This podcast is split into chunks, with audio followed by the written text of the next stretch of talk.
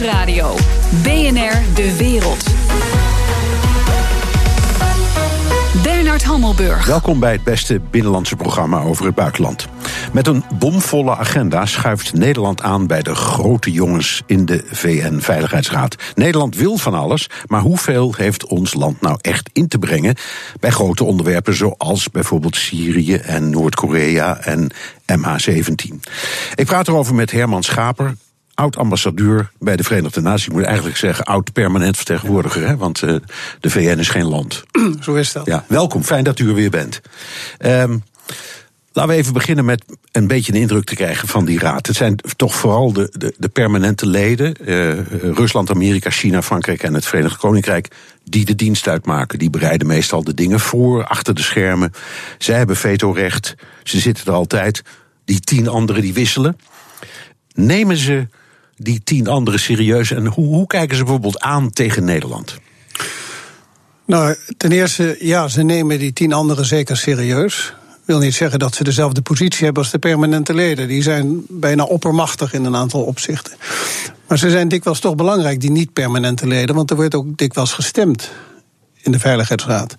En dan heb je een meerderheid nodig. En die meerderheid, negen, ja, en die meerderheid moet dan komen van de niet-permanente leden. Nee, dus eh, dat is een situatie waarbij ze geen veto voordoet, maar wel, eh, exact. waar wel een, een, meerderheid nodig is. En dan moet je 9 van de 15 moeten voorstemmen. Ja, er is een, ja, een, een eh, het is moeilijk 15 in 2 te delen, dus ja. ze hebben het naar boven afgerond. Oké. Okay. Ja. Um, Nou heeft Nederland allerlei doelstellingen, ideeën. Ehm, er is een hele concrete, die gaat over VN-missies. Waarbij Nederland zegt, we moeten meer inzetten op de bescherming van burgers. Is dat nou in dat komende jaar, als we in die Veiligheidsraad zitten, een haalbaar doel? Nou, die bescherming van burgers, dan gaat het vooral om VN-vredesoperaties.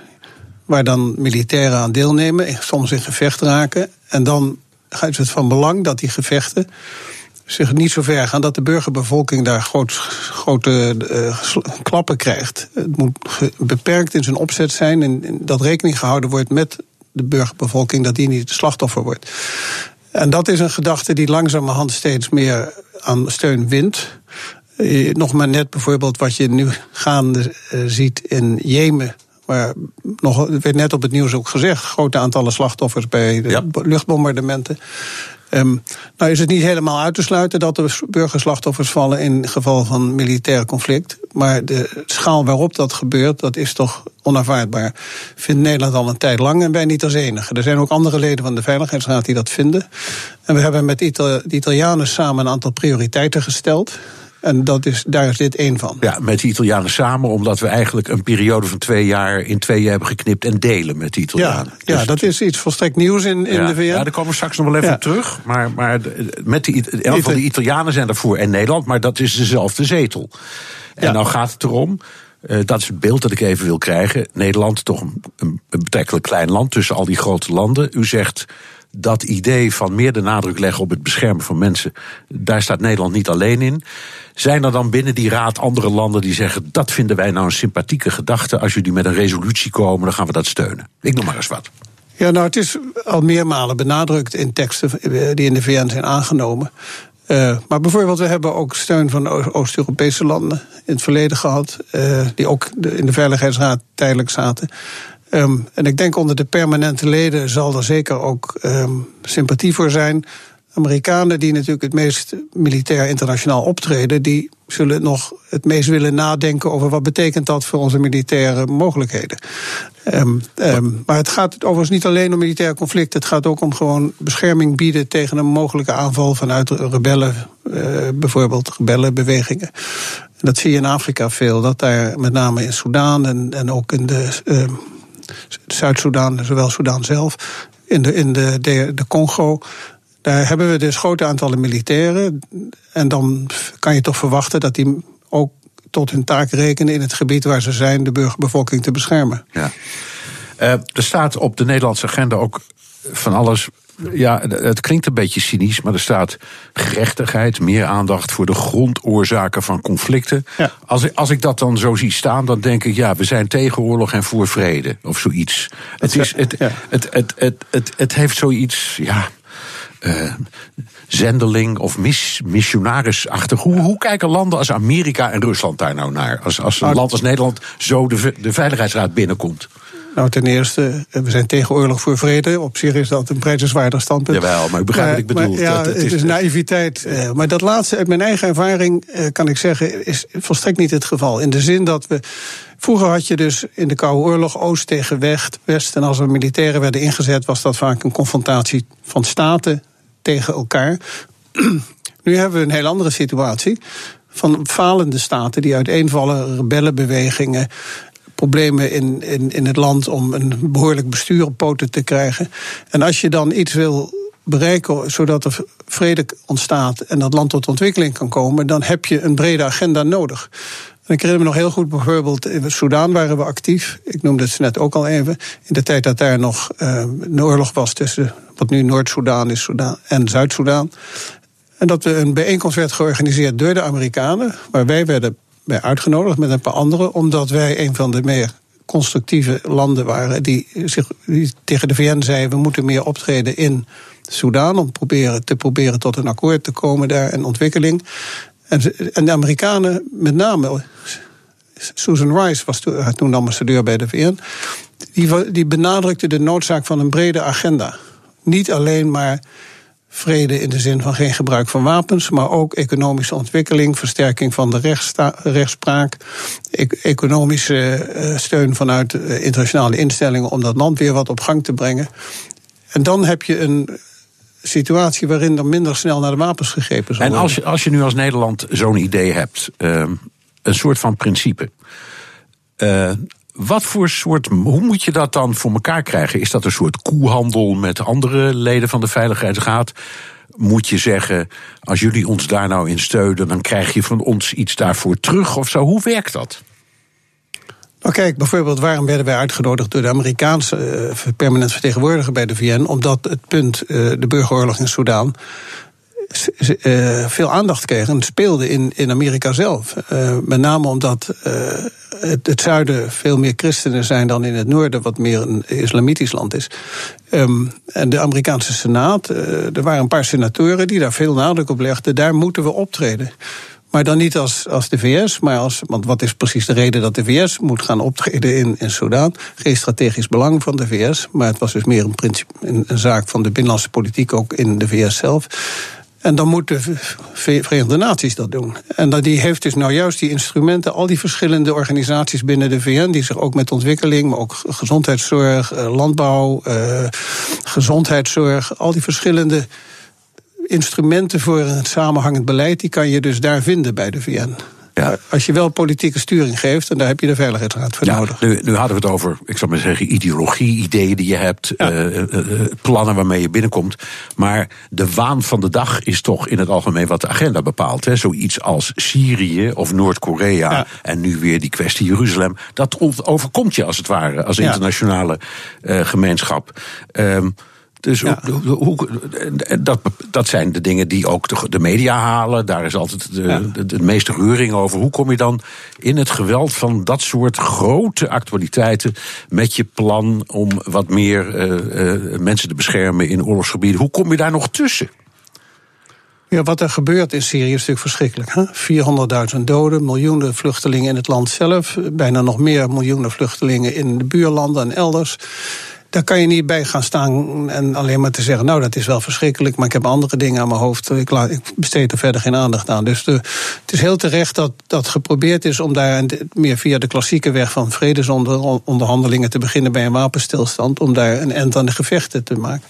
Alleen dat is niet gelukt en dat is een heel verhaal apart natuurlijk. Maar zekere zin omdat Obama en de Amerikanen gezegd hebben: dit is niet onze prioriteit. Hier staan geen Amerikaanse belangen op het spel. Dus die hebben zich ook niet in de strijd gemengd. En de Russen wel, De Russen dus wel. Ja. Nou, één keer raaien wat dan de uitkomst is, dan wint natuurlijk Assad. En dus in dat opzicht is het niet, eh, is helemaal niet gegaan zoals wij eh, hoopten dat het zou gaan. En ik denk ook niet dat het makkelijk zal zijn om via de gesprekken die onder leiding van de VN plaatsvinden, Assad eh, uit de zadel te wippen. Maar goed, wat dan wel kan, hoopten we eerst, was humanitaire hulpverlening. Maar de zaak was zo gepolitiseerd, en daar heb je dus gelijk in, dat kan in die Veiligheidsraad makkelijk gebeuren. Zeker nu, meer dan nog tien jaar geleden. Maar met name met Poetin en het toenemende zelfbewustzijn van Rusland. zie je dan dat dingen vastlopen in de Veiligheidsraad. Zelfs zoiets als humanitaire hulp. Ja. Er waren twee keer resoluties om humanitaire hulpconvooien in Syrië aan, aan, op gang te krijgen. Maar dan wel met een veiligheidsraadmandaat en een soort politieke dekking. En dat is mislukt. En dat is mislukt, ja, ja. gevetood door de VS. Dan gaat Nederland ook een paar commissies leiden. Uh, ja. Zoals toezien op de naleving van de sancties tegen Noord-Korea. Ja. Wat betekent dat precies? Dat klinkt, dat klinkt heel spannend en het klinkt ook belangrijk. Is het dat ook? Uh, het is belangrijk. Spannend hangt er een beetje vanaf. Korea is natuurlijk uh, duidelijk uh, wel spannend. Um, maar ja, het, het, de opdracht is dan om het mandaat wat gegeven is door de Veiligheidsraad. Of het besluit, wat, de resolutie die is aangenomen in de Veiligheidsraad, dat die ook uitgevoerd moet worden in geval van sancties. En dan is er een systeem van hoe je dat je in de, probeert in de gaten te houden wat er gebeurt. En dan wordt er gerapporteerd wordt er gerapporteerd. En, en dat, dat doet Nederland. Uh, Althans, het uitbrengen van het verslag daarvan. Ja, ja. Je, je, je moet dat proces aan voorzitten, maar ook aansturen. En het, je, bent, je bent overigens natuurlijk na, na twee jaar weer weg. Wij zelfs na één jaar alweer weg. Uh, dus het is niet, de, de staf van de VN zelf is, is essentieel om de continuïteit te waarborgen. Maar het gaat ook om de politieke druk die via die sancties wordt uitgeoefend. En die moet niet verslappen. Nee. Um, nog even terugkomend op, op waar ik mee begon. Je hebt die permanente leden en dan tien wisselleden. Ja. Uh, ik kijk even naar een paar anderen die het komend jaar erin zitten of blijven. Bolivia, Ethiopië, Kazachstan. Landen waarvan je niet meteen denkt, ik tenminste niet, nou daar ben ik van onder de indruk zeg. Zien die vijf permanente leden Nederland nou in datzelfde rijtje? En ook op diezelfde manier? Nee, ik denk dat wij toch een andere positie hebben dan die drie landen die je noemt omdat wij een aantal dingen. We hebben een grote internationale oriëntatie. Wij maken ons druk om dingen die ver van ons weg eh, van, van ons bed gebeuren. Omdat wij vinden dat dat zaken zijn waar de wereldgemeenschap zich op moet richten. Om het erger te voorkomen dat het nog erger wordt. Dan hebben we daarnaast ook nog de middelen om daar in, in, die discussie actief te zijn. Want we hebben een relatief uitgebreid diplomatiek netwerk. We hebben in veel, van, veel landen hebben we ambassades of Neem nou bijvoorbeeld Jemen, daar hebben we nog steeds een, eh, een, een kleine presentie van lokalen. Maar daarvoor waren wij tientallen jaren was dat een, een van de partnerlanden voor Nederland op het gebied van ontwikkelingssamenwerking. En hebben wij dus ook kennis in huis. En een zekere uh, krediet misschien zelfs haast aan jemenitische zijde. In ieder geval weten ze wie we zijn. En zo kan je dus een meerwaarde leveren. We zijn dus ook voorzitter geweest van een commissie of een werkgroep die zou proberen om de rechtsstaat, uh, hoe, hoe die verder te ontwikkelen. Uh, in, in Jemen. Um, daar werden wij voorzitter, omdat we daar expertise hebben. En ook geloofwaardigheid als een gesprekspartner. We zijn niet een land wat even, omdat het in de krant komt. Nee. Uh, even dus, langskomt. Dus maar omdat we er echt jarenlang al zaten. We zitten niet in dat rijtje Bolivia, Ethiopië, Kazachstan. Um, belangrijkste onderwerp voor Nederland, zo dadelijk is ongetwijfeld MH17. Hoe belangrijk is dat nou voor de andere leden van de VN-veiligheidsraad? BNR Nieuwsradio. BNR De Wereld. Mijn gast Herman Schaper, oud-vertegenwoordiger bij de Verenigde Naties. Uh, we hadden het net over de positie van Nederland als, ja. als lid van de Verenigde Naties. Misschien wel het belangrijkste thema, in afval het meest emotionele, is uh, de MH17-ramp en ja. de gerechtigheid voor de slachtoffers. Um, Rusland is permanent lid met veto en tot nu toe heeft Rusland eigenlijk alle resoluties over die ramp geblokkeerd. Heeft Nederland nou iets meer in handen als lid van de veiligheid? Kan het wat meer nu het lid is op dit gebied? Um, nou, in de VN en via de Veiligheidsraad is dat moeilijk zolang de Russen die het standpunt innemen wat ze nu innemen. Alleen, dat is al van het begin af aan. Hè. Zodra de discussie op gang kwam nadat het vliegtuig was neergeschoten van hoe, hoe pakken we dit het beste aan, is er een weg gekozen die liep via de burgerluchtvaartorganisatie van de VN, ICAO. En de Russen hadden onmiddellijk kritiek en zeiden nee, dat moet in, de, in New York komen en bij de Veiligheidsraad komen. Want, en dat naar mijn gevoel duidelijk ook met de bedoeling daar een zekere politieke sturing aan dat proces te kunnen geven. Dat is het dus niet geworden. Er hebben wel Russen meegedaan aan het onderzoek, maar ze hebben uiteindelijk dus niet geaccepteerd wat ook de Onderzoeksraad voor, voor Veiligheid als rapport heeft uitgebracht. En ze hebben van, van begin af aan eigenlijk steeds kritiek gehad op wat er besloten is. Tot en met dan die laatste voorstel wat gedaan werd om een VN-tribunaal op te richten met een mandaat van de Veiligheidsraad. Dat hebben ze toen geblokkeerd. Dus ik denk dat uh, dit alles er, er wel op de aanleiding geeft tot het vermoeden dat de Russen toch hier vuile handen hebben. Uh, en bang zijn dat dat nu duidelijk ja, wordt. maar de vraag was eigenlijk: hebben we nu we in de Veiligheidsraad zitten en dus neus aan neus met die Russen misschien iets meer invloed? Of is dat een. Zo'n politiek gevoelig onderwerp waar Poetin zich ook heel duidelijk heeft uitgesproken, meermalen, is dat, is dat uitgesloten. Nee, nee. Nou, nou, toen dat mislukte van het tribunaal, toen heeft Nederland uiteindelijk besloten om te zeggen: nou, dan maken we er gewoon een Nederlands proces nee, van. Nee, nee, de, je hebt dus een, een groep van vijf landen. Oké. Okay. Neem me niet kwalijk. De groep van vijf slachtofferlanden, zou ik maar zeggen. Exact. Die hebben besloten: het wordt een proces onder Nederlands recht. Ja? Ja. Uh, was dat een verstandig besluit? Nou, er moest iets, moest iets besloten worden. Het recht moet zijn loop hebben. En als het dan politiek vastloopt, moet je een andere weg zoeken. En dat is een soort weg die overigens wel eens meer is, is, is gevolgd. En speciaal het Lockerbie.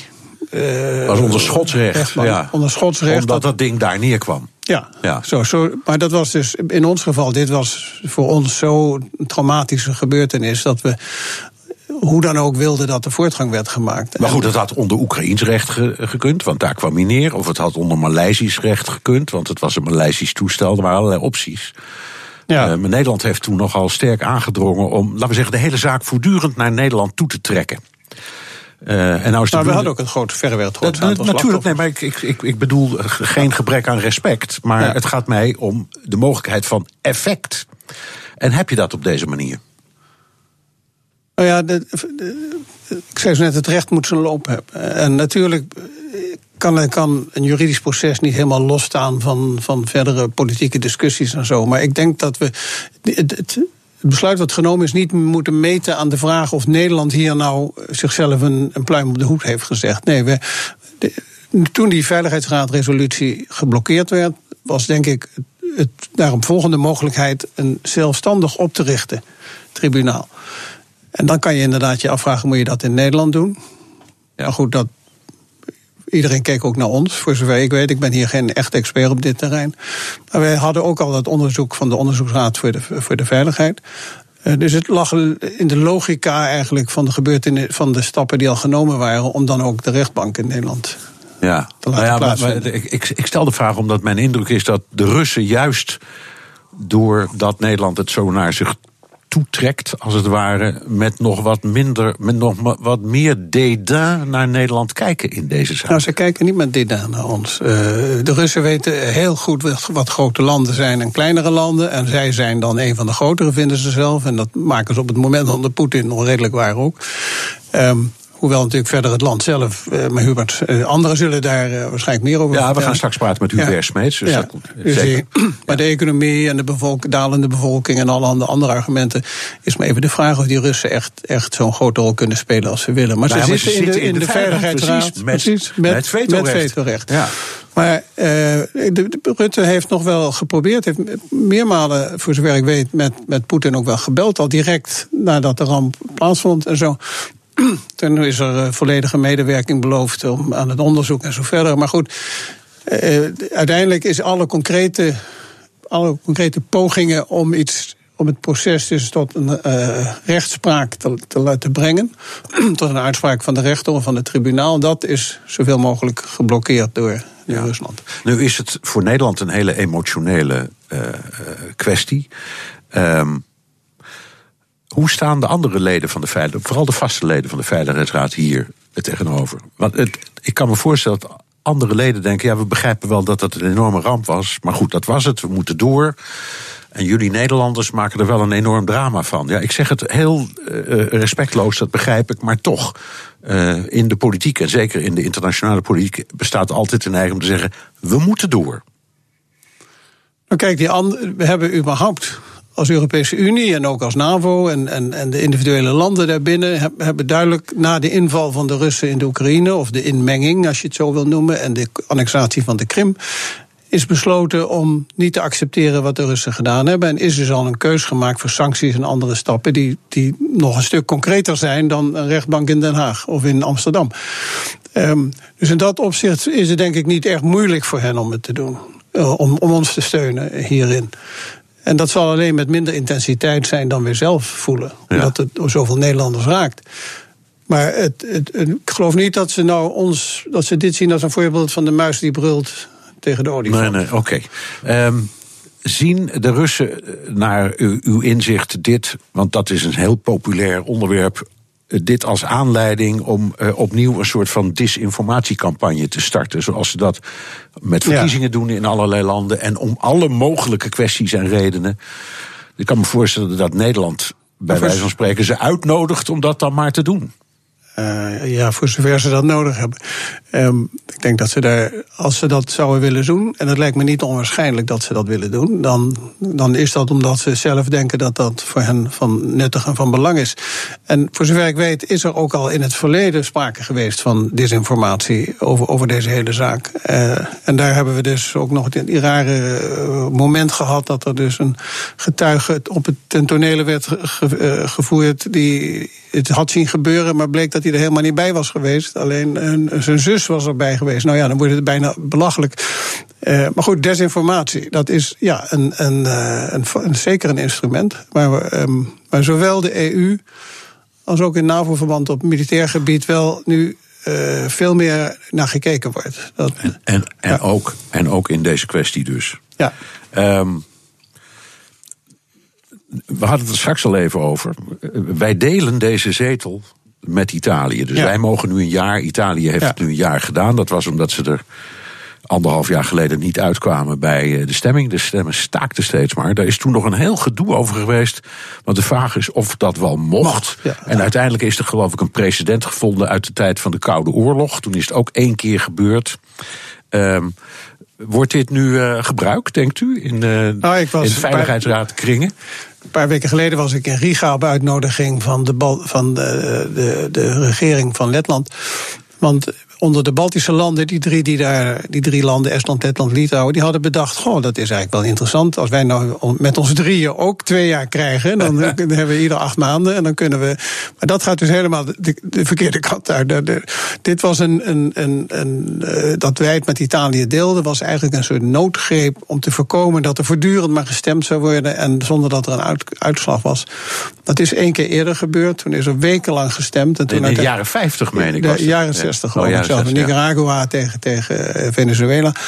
Um, nou, um, sorry. Uh, Nicaragua, het ging om Mexico tegen Venezuela. Anyway, er is toen uitgekomen dat beide kandidaten zich terug moesten kennen, trekken van die twee landen. En dat toen de voorzitter van de Algemene Vergadering heeft gezegd: dat land krijgt het. Die mag die, mag die twee jaar gaan vullen en zo.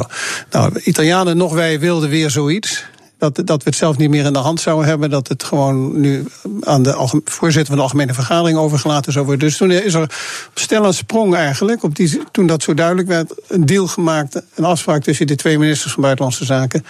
Die op zich wel eigenlijk. Als je het handvest van de VN leest, niet helemaal kan. Want nee, ik, weet dat ook, ik geloof Egypte uit mijn hoofd toen ook heeft geappelleerd. En zei: jongens, dit staat gewoon niet in de voorschriften. Ja. Zo'n zo termijn is voor twee jaar en niet twee, tweemaal één jaar. Uiteindelijk zijn we dus gewoon verkozen. Ja. Met 184 van de 192 stemmen. Um, dus daar, men heeft het misschien even met de ogen geknipperd, maar wel geaccepteerd. Ook denk ik, om, precies om dat punt dat we toch een gewaardeerd lid zijn, wat altijd geïnvesteerd heeft in de VN. Ja. Dus het was ook een soort beloning. Nederland heeft enorm gelobbyd. Voor, ja. die, voor die zetel. Zelfs de koning is uh, ja. twee jaar geleden ervoor ingezet ja. in een toespraak. Wat ik een beetje op het randje vond zelf. Om de koning nou te laten zeggen: u moet op ons stemmen. Maar goed, uh, wat houden we eraan over? Heel veel kennis en ervaring.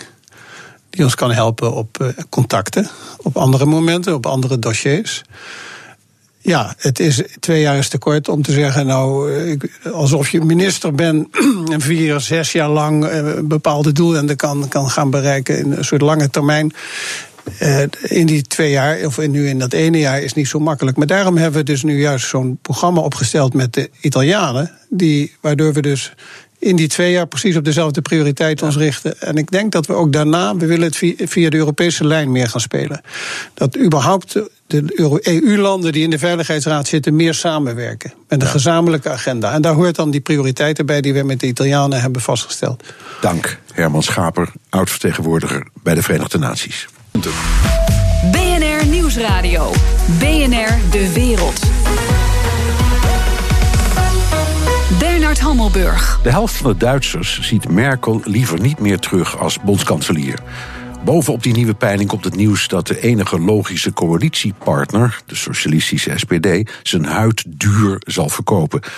Zien we het einde van Merkel? Ik praat erover met Dirk Marseille, onze correspondent in Duitsland. Dirk, Merkels populariteit daalt flink. Hoe komt dat? Nou ja, eh, dat heeft eh, de, de Peilingsinstituut wat eh, het onderzoek deed niet gevraagd. Maar je, het laat zich wel raden. Hè. De, de coalitieonderhandelingen in Duitsland die hebben eigenlijk een dieptepunt bereikt. Tijdens kerst wordt er al niet onderhandeld. Het is de langste onderhandeling ooit. En Merkel staat aan het roer. Haar partij heeft ondanks de slechte verkiezingsuitslag... Is toch nog steeds de grote en moet het heft in handen nemen. En daarmee kijkt iedereen naar Merkel. En het resultaat blijft uit. En dat is men niet verwacht. En vandaar dat ook in een paar maanden tijd uh, haar populariteit met 8 procentpunt is gedaald. Uh, en je nu, net als uh, in, in ja, de hoogtijdagen van de, de, migratiecrisis in Duitsland, je nu echt kunt spreken van een crisis rondom de persoon en leidersfiguur Merkel. Ja, wat betekent het voor haar positie en voor de onderhandelingen? Dat maakt het nog moeilijker. Uh, dus je ziet ook, je haalt het al even daar aan, dat de SPD zich nu ook steeds openlijker uh, begint te, te, roeren als het gaat om no-go areas binnen die coalitieonderhandelingen. Op 7 januari wordt er verder gegaan met, met die gesprekken, maar voor begin maart wordt er geen einduitslag verwacht. alle opties liggen nog open en waar de SPD voorheen ja, voorzichtig toch in, in de openbaarheid zich uit over wensen, formuleren ze nu echt al breekpunten, meerdere breekpunten. Bijvoorbeeld als het gaat om het laten overkomen van families van migranten die nu in Duitsland uh, gekomen zijn.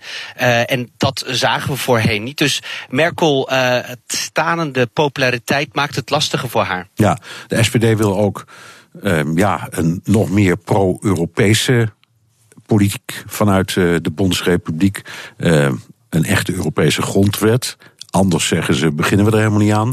Zijn de onderhandelingen nu gedoemd te mislukken of is dat iets waar je best over kunt praten? Nee, daar valt best over te praten. Kijk, in Duitsland, eh, in, in Duitsland zeker onder deze hoge politieke druk, ook voor de SPD is er een hele hoop ook te winnen weer in een, in een regering. Ze zeggen geleerd te hebben van de afgelopen vier jaar. Ze willen nu eindelijk niet meer het slachtoffer worden van Merkel, die als in een soort van dodelijke eh, omhelzing alle partijen en samenwerkingspartners uiteindelijk uitzuigt. Dat willen ze dus nu niet meer. En dus valt ook over pro-Europa zeker te praten, want binnen Merkels partij zijn er ook weer heel veel verschillende geluiden over te horen. En daar heeft zij zeker ook nog wat, uh, wat uh, ruimte. Ze heeft bijvoorbeeld over een Europese minister van Financiën gezegd: Nou, dat gaan we echt niet doen. Maar uiteindelijk kun je op het thema van Europa zoveel kanten uit dat dat uh, voor een eventuele grote coalitie hè, tussen CDU, CSU en SPD hoeft dat, hoeft dat niet onmogelijk te maken. Ja, de heer Spiegel schrijft in een analyse dat het eind van het Merkelisme nabij is. Zie jij dat ook zo? Zeker, ja. Dat is eigenlijk al gebeurd direct na de verkiezingsuitslag. Uh, toen de onderhandelingen uh, uh, na, met een Jamaica-coalitie, met de Liberalen en met de Groenen mislukten. En zij zetten dat in, daar is serieus onderhandeld. En eigenlijk was het tot nu toe altijd zo, als Merkel daarvan zei, dat gaan we serieus proberen, dan was er een uitslag. En door dat te mislukken, doordat de Liberalen uiteindelijk de stekker uittrokken, die dit weekend ook weer hebben gezegd, en wij willen alleen maar opnieuw onderhandelen als we weer aan de beurt zijn, als Merkel weg is, is dat eigenlijk eigenlijk een teken van het feit dat niemand meer gelooft dat Merkel, als zij weer uh, uh, de regeringsleider wordt van een nieuw kabinet, ook de volle vier jaar zal volmaken. Iedereen verwacht eigenlijk dat ze na twee jaar naar een mooie functie in Europa gaat, gaat uitkijken. Ja, en dat is ook voor de partij die met haar gaan onderhandelen natuurlijk een teken van, hè, we moeten al voorbereid zijn op een periode na Merkel. En ja, het wordt heel moeilijk de komende tijd dus in Duitsland uh, voor Merkel om met het gezag wat ze nog heeft, toch nog een acceptabel resultaat voor haarzelf en voor haar partij te regelen. Dank, Dirk Marseille, onze correspondent in Duitsland. BNR De Wereld. Tijd voor de kwestie. Vandaag Rusland. Oppositieleider Navalny wil dolgraag de strijd aangaan met president Poetin bij de verkiezingen volgend jaar. Maar het wordt hem verboden om zich kandidaat te stellen. Is hij Poetins nachtmerrie? Ik praat erover met Hubert Smeets, oprichter van Raam op Rusland en buitenlandcolumnist voor NRC. Hallo Hubert. Goedemiddag. Uh, Navalny is advocaat die al jaren vecht tegen de corruptie in Rusland. Kun je hem nog eventjes neerzetten? Kun je hem bijvoorbeeld vergelijken met de in het Westen toch heel hippe en opgehemelde Godorkovsky? Nee, want hij is geen oligarch. Hij heeft niet zijn, zijn, zijn kapitaal en vermogen verdiend door in de jaren negentig op duistere en nagevol slinkse wijze um, oliebronnen uh, en andere grondstoffen, uh, rijkdommen onder de Russische bodem uh, te vergaren en die te exporteren en daarmee miljardair te worden. Hij is eigenlijk een vrij simpele advocaat die als straatactivist en als, je kan, zou kunnen zeggen, als onderzoeksjournalist journalist, uh, zijn faam heeft verworven. Hij heeft een hele club, Fonds wat strijdt tegen de corruptie.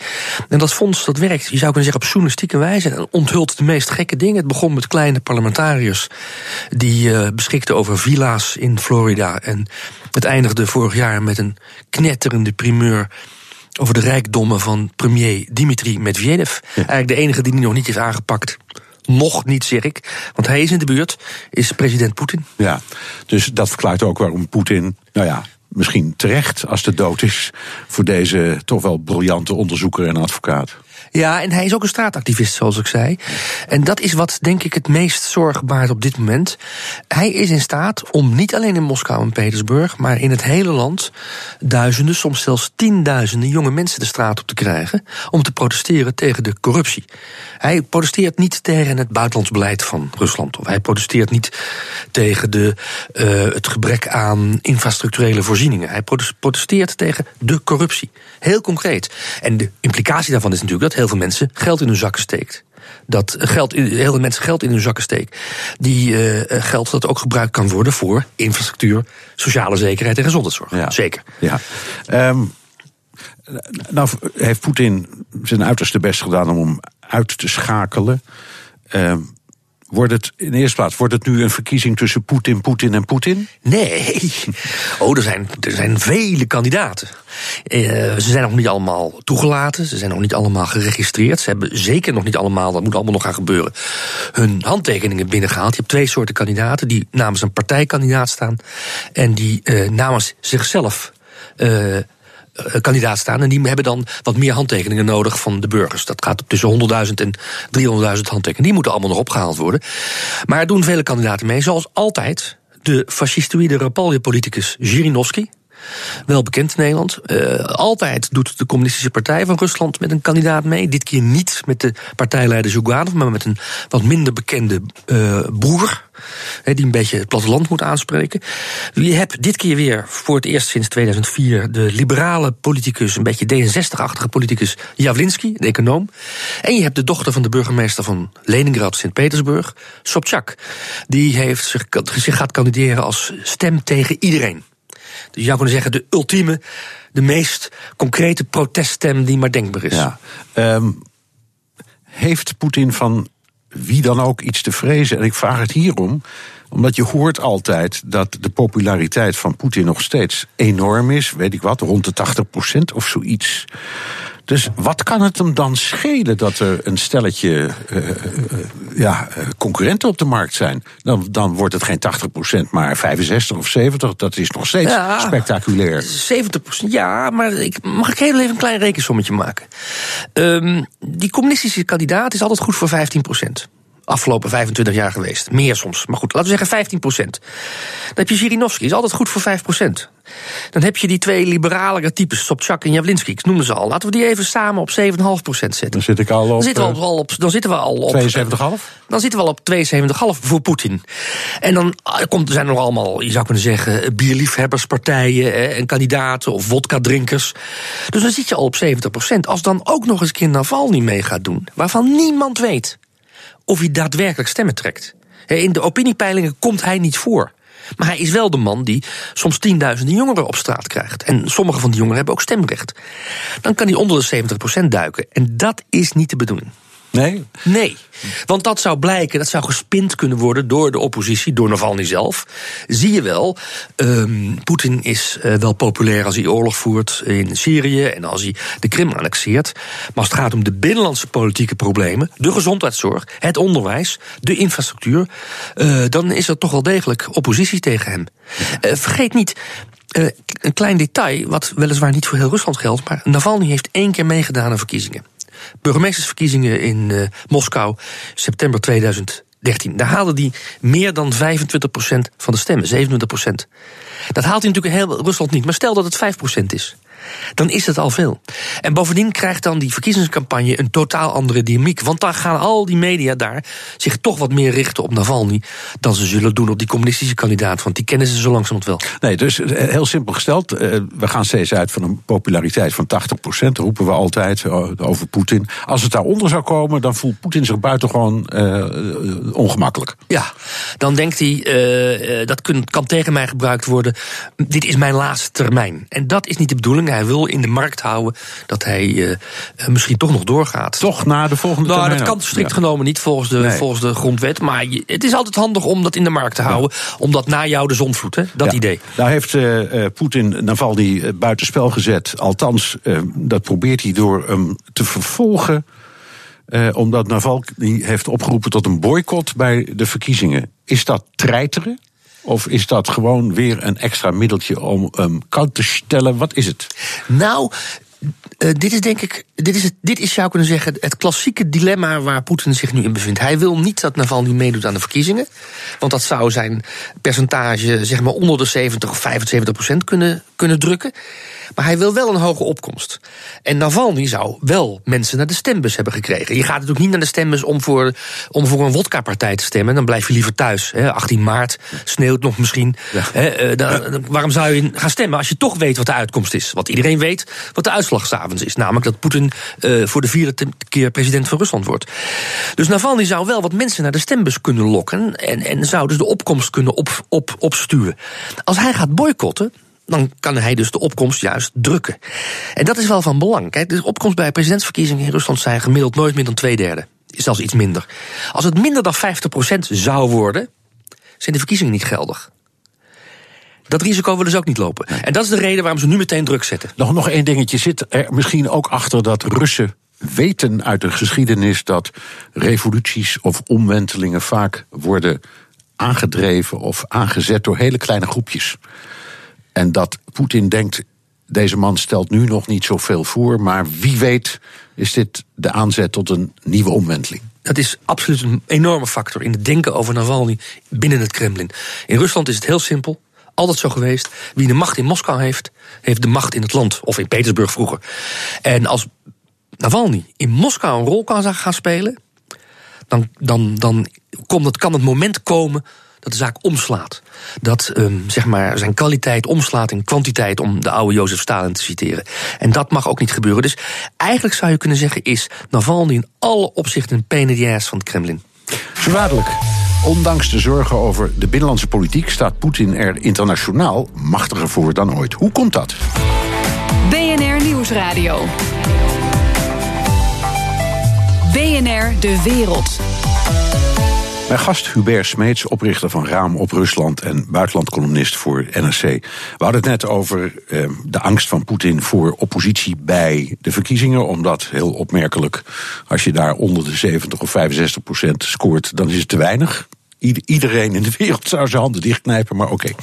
Maar nu het, het, internationale toneel, daar uh, uh, profileert Rusland zich steeds prominenter, mag je wel zeggen. Het laatste nieuws. Uh, Lavrov, de minister van Buitenlandse Zaken, biedt nu aan, werpt zich op als bemiddelaar in het conflict tussen de Verenigde Staten en Noord-Korea. Uh, is dat serieus? Hij zegt er zelf bij: uh, ik, het komt niet zomaar ergens vandaan. De Amerikanen hebben achter de schermen mij daar ook om gevraagd.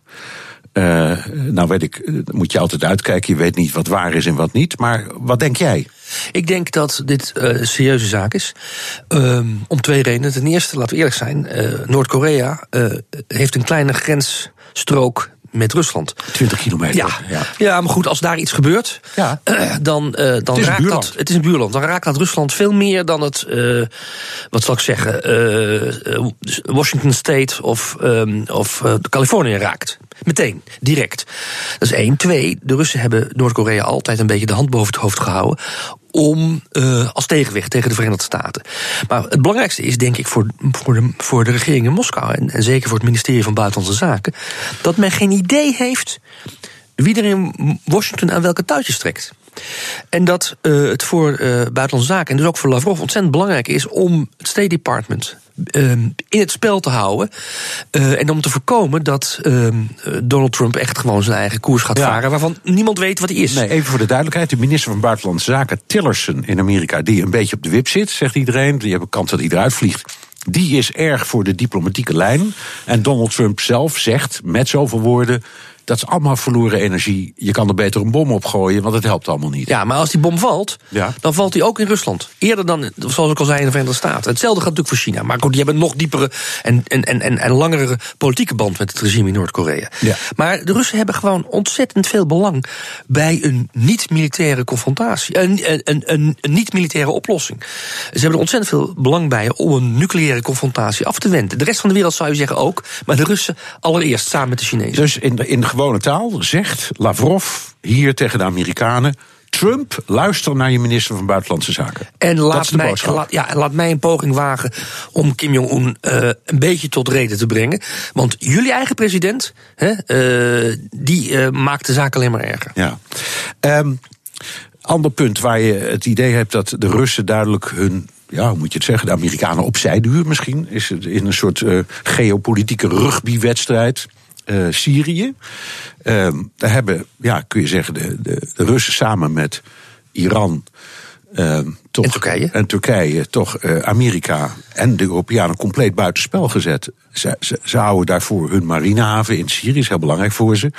Ehm, maar is dit een soort opmaat, of misschien een manier, of zitten ze er al middenin van de Russen om te zeggen: wij nemen ook internationaal een deel van die grote rol over van de Amerikanen? Ik denk dat dit een, een bijvangst is die ze niet verwacht hadden. Toen ze 2,5 jaar geleden eh, ze interveneerden in Syrië. Toen ging het denk ik aanvankelijk alleen maar om het vasthouden van die ene steunpost. eh, die steunpilaar die ze hadden in het Midden-Oosten, Assad. Dat was eigenlijk de enige bondgenoot, bondgenoot die Rusland op dat moment nog had in het En, en Midden-Oosten. die marinehaven in En die marinehaven Ja. in Tartus. Ehm, aan de, aan de eh, Middellandse Zee. Wat erg belangrijk is, want zeker in het bewustzijn van de Russische militaire denkers. is, een, is, een- is een vloot gele- eh, gelegerd. zo kan je niet zeggen, maar afgemeerd. aan- in een haven die niet dichtvriest. van immen- immense betekenis. En de Middellandse Zee is voor Rusland nog altijd een strategische zee van het grootste belang. Dat is eigenlijk zou je kunnen zeggen, eh, een beetje uit de hand gelopen, die interventie in Syrië. Want op dit moment zou je kunnen zeggen, is Rusland een serieuze tweede partij naast de Verenigde Staten. En sterker nog, misschien is Rusland op dit moment wel belangrijker. Misschien is het dan wel de winnaar, dan de. Verenigde Staten. Ja. Precies. Dat brengt wel een aantal problemen met zich mee hoor, voor Rusland. Laten we niet alleen maar denken dat het eh, eh, pure winst is, geopolitiek, voor het Kremlin. Het kost ook geld. Nou, wat Colin Powell destijds zei: when you break it, you own it. Dus Ja, je en- moet, dan moet je maar zien dat je daar de scherven opruimt en dat je het gaat besturen. En daar gaan klauwen geld weg. Het gaat klauwen geld kosten. Het kost ontzettend veel politieke energie. Kijk, anders dan China is Rusland natuurlijk een land wat een lange traditie heeft in het nemen van verantwoordelijkheid op het wereldtoneel. Misschien niet tot onze tevredenheid in het Westen, maar, ze deden het wel in Afrika, ze deden het wel in Zuidoost-Azië. En dat zullen ze nu ook in het Midden-Oosten moeten gaan doen. Voor het eerst zou je kunnen zeggen sinds de Zesdaagse Oorlog van 1967. En dat, wat, dat is denk ik wel een enorme, eh, enorme taak voor het Kremlin die ze nog niet helemaal kunnen overzien. Waarom verkopen ze dan voor 2,5 miljard dollar Russische S-400 raketten aan Turkije? Ja, Nou. natuurlijk om het geld. Maar is dat niet ook om de invloed te vergroten? Het is een verkoop aan het op één na grootste NAVO-land. Dat is nogal wat.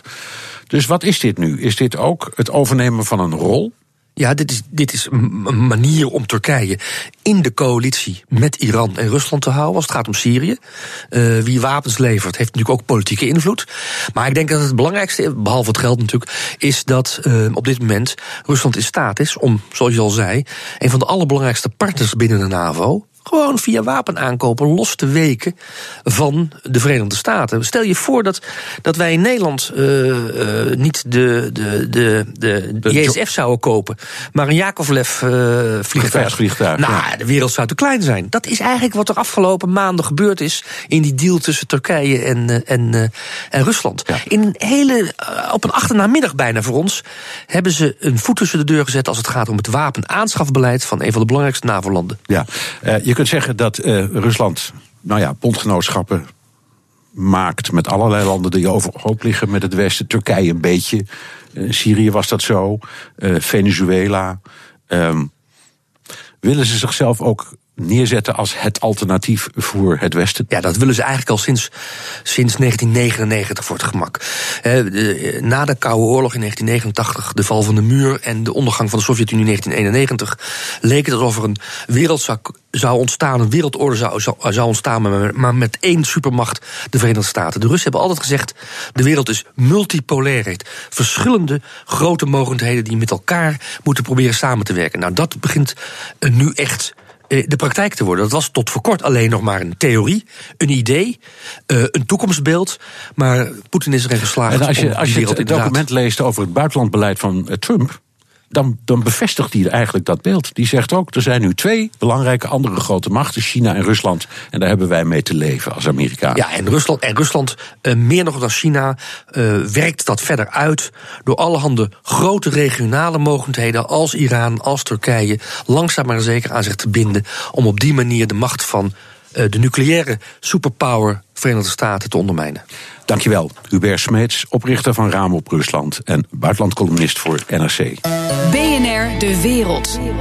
It's the economy, stupid. Waar het uiteindelijk allemaal om draait in de wereld is geld. Economiecommentator Paul Lasseur, wat is vandaag jou opgevallen? Ja, de Financial Times die publiceerde vanochtend een overzicht van de fusies en overnames in 2017. En daar zijn toch wel wat interessante dingen uit, uit te halen.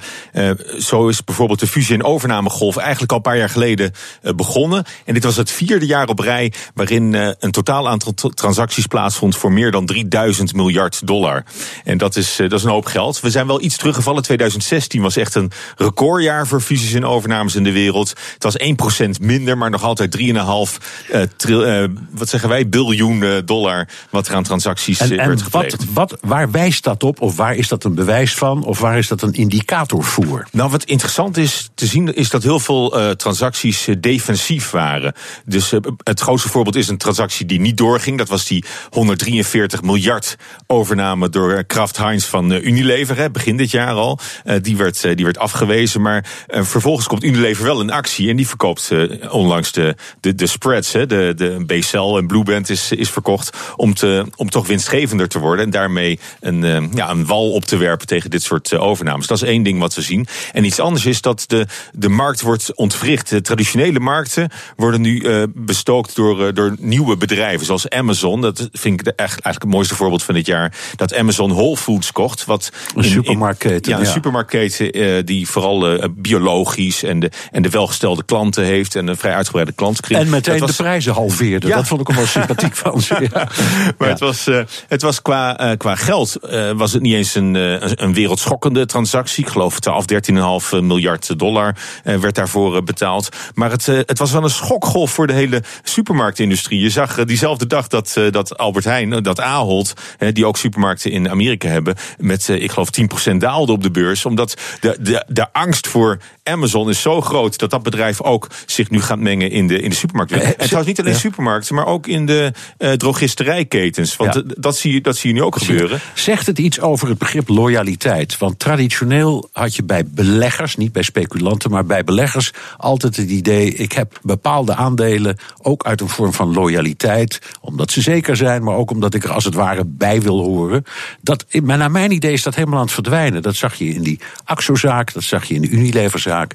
Mensen denken: kwop zeg, als ik een paar centen kan verdienen, dan doe ik dat. Nou ja, dat is wel het, het, op, op zich de basis voor het, voor het kapitalisme. Is dat als je, als je het er niet mee eens bent wat er, wat er gebeurt, dan, dan verkoop je de aandelen gewoon. Dus, dus ja, die, die loyaliteit die, die bestaat niet echt meer. Je ziet wel een nieuwe loyaliteit bij, bij andere nieuwe bedrijven. Mensen zijn, zijn niet alleen aandeelhouder, die zijn echt gelovigen van, van Tesla bijvoorbeeld. Dat is echt een, een bedrijf waar je echt, echt wel in moet geloven. Wil je daar in, in, in bedrijven Apple was, was, was het al langer natuurlijk. Dus dat, dat, is, dat is wat je ziet gebeuren in, in die overnamesector. 2018 wordt waarschijnlijk ook, een, uh, ook weer een goed jaar. Dus, dus dit soort grote, veel transacties, dat blijven we toch wel zien. En wat ook interessant is, is dat, uh, is dat China natuurlijk actief is. Maar die gaan wat minder op technologie, lijkt het. En wat minder op de Verenigde Staten. Maar juist wat meer in uh, energie en grondstoffen. Dat ze daar overnames in doen. En ja, nog een verhaal is dat, dat de Verenigde Staten, daar gaan ze proberen te profiteren van de nieuwe belastingmaatregelen van, van Trump. Hè, zijn klinkende overwinning. En een ander aspect wat we gaan zien, is dat de Brexit een eh, nadelig uh, gevolg zal hebben voor, uh, voor Britse bedrijven en hun positie op die fusie- en overnamemarkt. Dankjewel. Economiecommentator Paul Lasseur. Tot zover BNR De Wereld. U kunt de uitzending terugluisteren via de podcast of op de BNR-app. Mijn naam is Bernard Hammelburg. Dank voor het luisteren. Gelukkig nieuwjaar. Tot volgende week.